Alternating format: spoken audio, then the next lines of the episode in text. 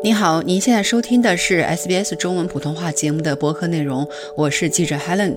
不知道您是否已经开启了您的圣诞新年假期了吗？新一年中您是否有出游计划呢？今天我们要关注一条新闻，便与旅游相关。在 LBNB 二零二四年旅游预测榜单中，墨尔本跻身全球二十四大旅游胜地之列。Airbnb 发布了二零二四年旅游预测榜单，揭晓了澳大利亚人明年最想去度假的二十四个目的地。美国的印第安纳波利斯、费城和科罗拉多斯普林斯，波兰的华沙、日本的东京、大阪和京都均榜上有名。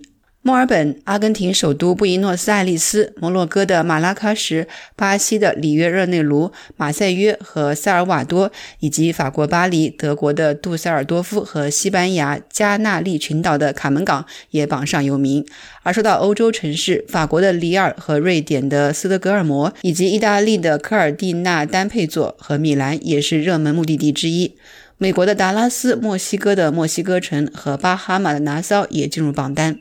在澳大利亚人的国际旅游目的地中，日本以压倒性的优势名列榜首。根据从2023年1月1号至9月30号收集的2024年全球旅行搜索结果，澳大利亚旅行者正在关注日本的台东、涩谷、妙高、新宿、白马、大阪、京都和野泽温泉等地。香港和台北也榜上有名。同时，Airbnb 还指出，在2023年至2024年搜索量增幅最大的地点中，日本也位居榜首，是上一年的三倍。台湾、阿尔巴尼亚、新加坡、芬兰、阿拉伯联合酋长国、库拉索岛、阿鲁巴岛、泰国和危地马拉紧随其后。而对于那些想离家近一些的旅行者来说，以下地点是明年澳大利亚的一些旅游目的地，这包括在昆州罗克汉普顿。汤斯维尔和伊普斯维奇是首选，而维多利亚州的搜索者则选择了墨尔本的 Richmond 和 East Melbourne。